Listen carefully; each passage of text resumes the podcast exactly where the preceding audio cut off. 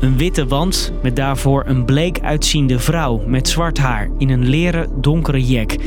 Ze heeft een rood oog en kijkt angstig de cameralens in. Het is een van de duizenden foto's van Oeigoeren die je misschien wel in je tijdlijn voorbij hebt zien komen.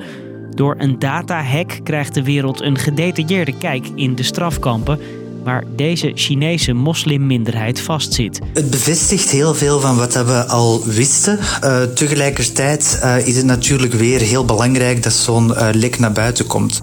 De afgelopen jaren kwamen er steeds meer details naar buiten wat Oeigoeren in de kampen meemaken. Dit datahack is weer nieuw bewijs. Ik ben Marco en ik vertel je wat we inmiddels weten. Lang verhaal kort. Een podcast van NOS op 3 en 3FM. Lieve jij, ik hoop dat je veilig bent. Het is een Oeigoers liedje dat het lot van de Oeigoeren in een notendop laat horen. Allereerst, wie is deze groep? Er zijn zo'n 12 miljoen Oeigoeren in het noordwesten van China, in de regio Xinjiang. Ze hebben deels Turkse roots, zijn veelal moslim en hebben een eigen cultuur en taal. En ze wonen al heel lang op die plek. De Chinese overheid ziet die Oeigoeren als extremisten en pakt ze hard aan. We hebben het over misdrijven tegen de menselijkheid uh, omwille van wat er in de kamp gebeurt. Dat zei Stijn de Klerk van Amnesty International in het radioprogramma Bureau Buitenland. Mensen worden om allerlei vage redenen opgepakt en in een strafkamp gezet. Eén categorie was bijvoorbeeld ja, een, een relatie tot het buitenland. Uh, sommigen die dan naar het buitenland waren gereisd, uh, sommigen die gewoon familie hadden in het buitenland. ook software of technologie, bijvoorbeeld WhatsApp op je telefoon, religie, ook zeer dikwijls gewoon omwille van ja, heel normale uh, islamitische geloofsuitoefeningen gewoon al een uh, ja, gebedsmatje hebben, uh, kan al genoeg zijn. Naar schatting zitten een miljoen Oeigoeren vast in gruwelijke omstandigheden, vertelt deze oud-gevangene. Nauwelijks eten en dagelijks mishandelingen, martelingen.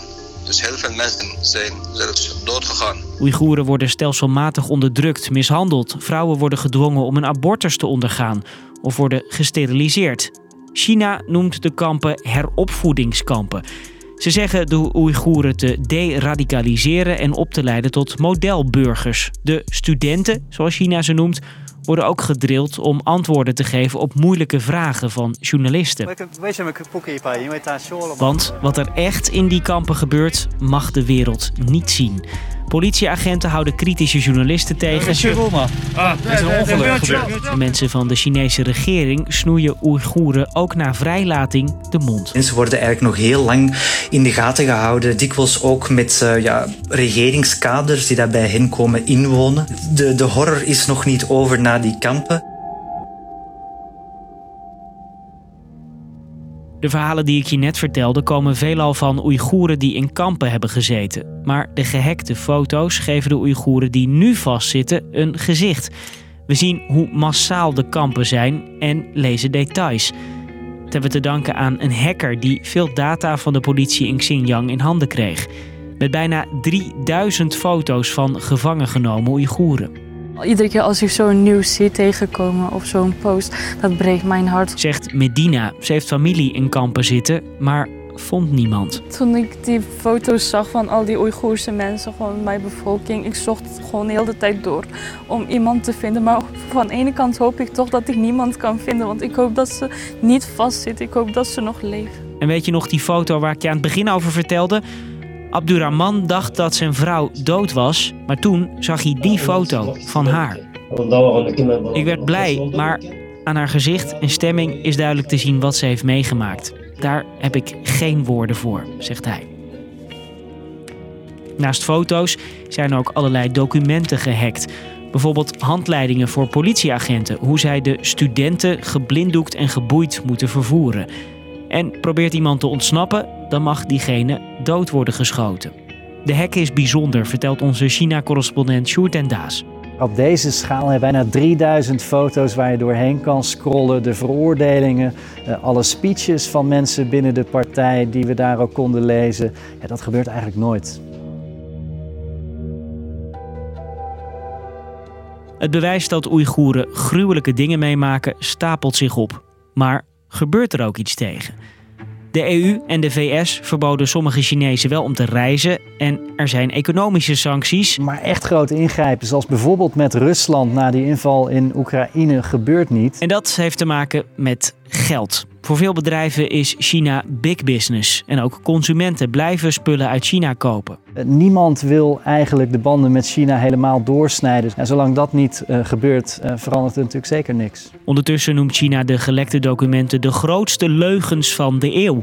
Ze blijven volhouden dat er geen kampen zijn maar dat de Oeigoeren gewoon naar school gaan. Voor China staat vast, dit zijn allemaal extremisten, uh, die zijn gevaarlijk, die moeten opgesloten worden. Ja, en pas als we zeker weten uh, dat ze niet gevaarlijk zijn, dan laten we ze weer vrij. En vrij dan tussen aanhalingstekens, want ook ja, als je vrij rondloopt in Xinjiang, het blijft uh, toch ergens een soort van openluchtgevangenis.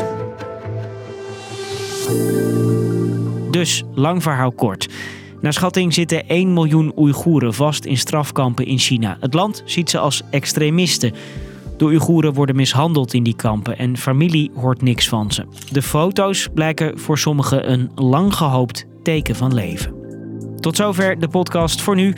Bedankt voor het luisteren weer. Altijd al willen zien hoe een podcast gemaakt wordt. En ons ontmoeten? Ja, leuk. Gezellig. Kom naar het NPO Podcast Event op 26 juni in Utrecht. Dan kan je praten met makers van allerlei NPO podcasts. Echt superleuk. Er zijn live podcastopnames. Superleuk om, uh, om het een keer live mee te maken. En wij doen een superleuke nieuwsquiz. Wij geven een paar gratis kaarten weg. Mail ons waarom jij daarbij zou moeten zijn. lvk.nos.nl Lang verhaal kort. Lekker mailen en naar Utrecht komen. Tot dan. Doei doei. Doei doei. Obrigado.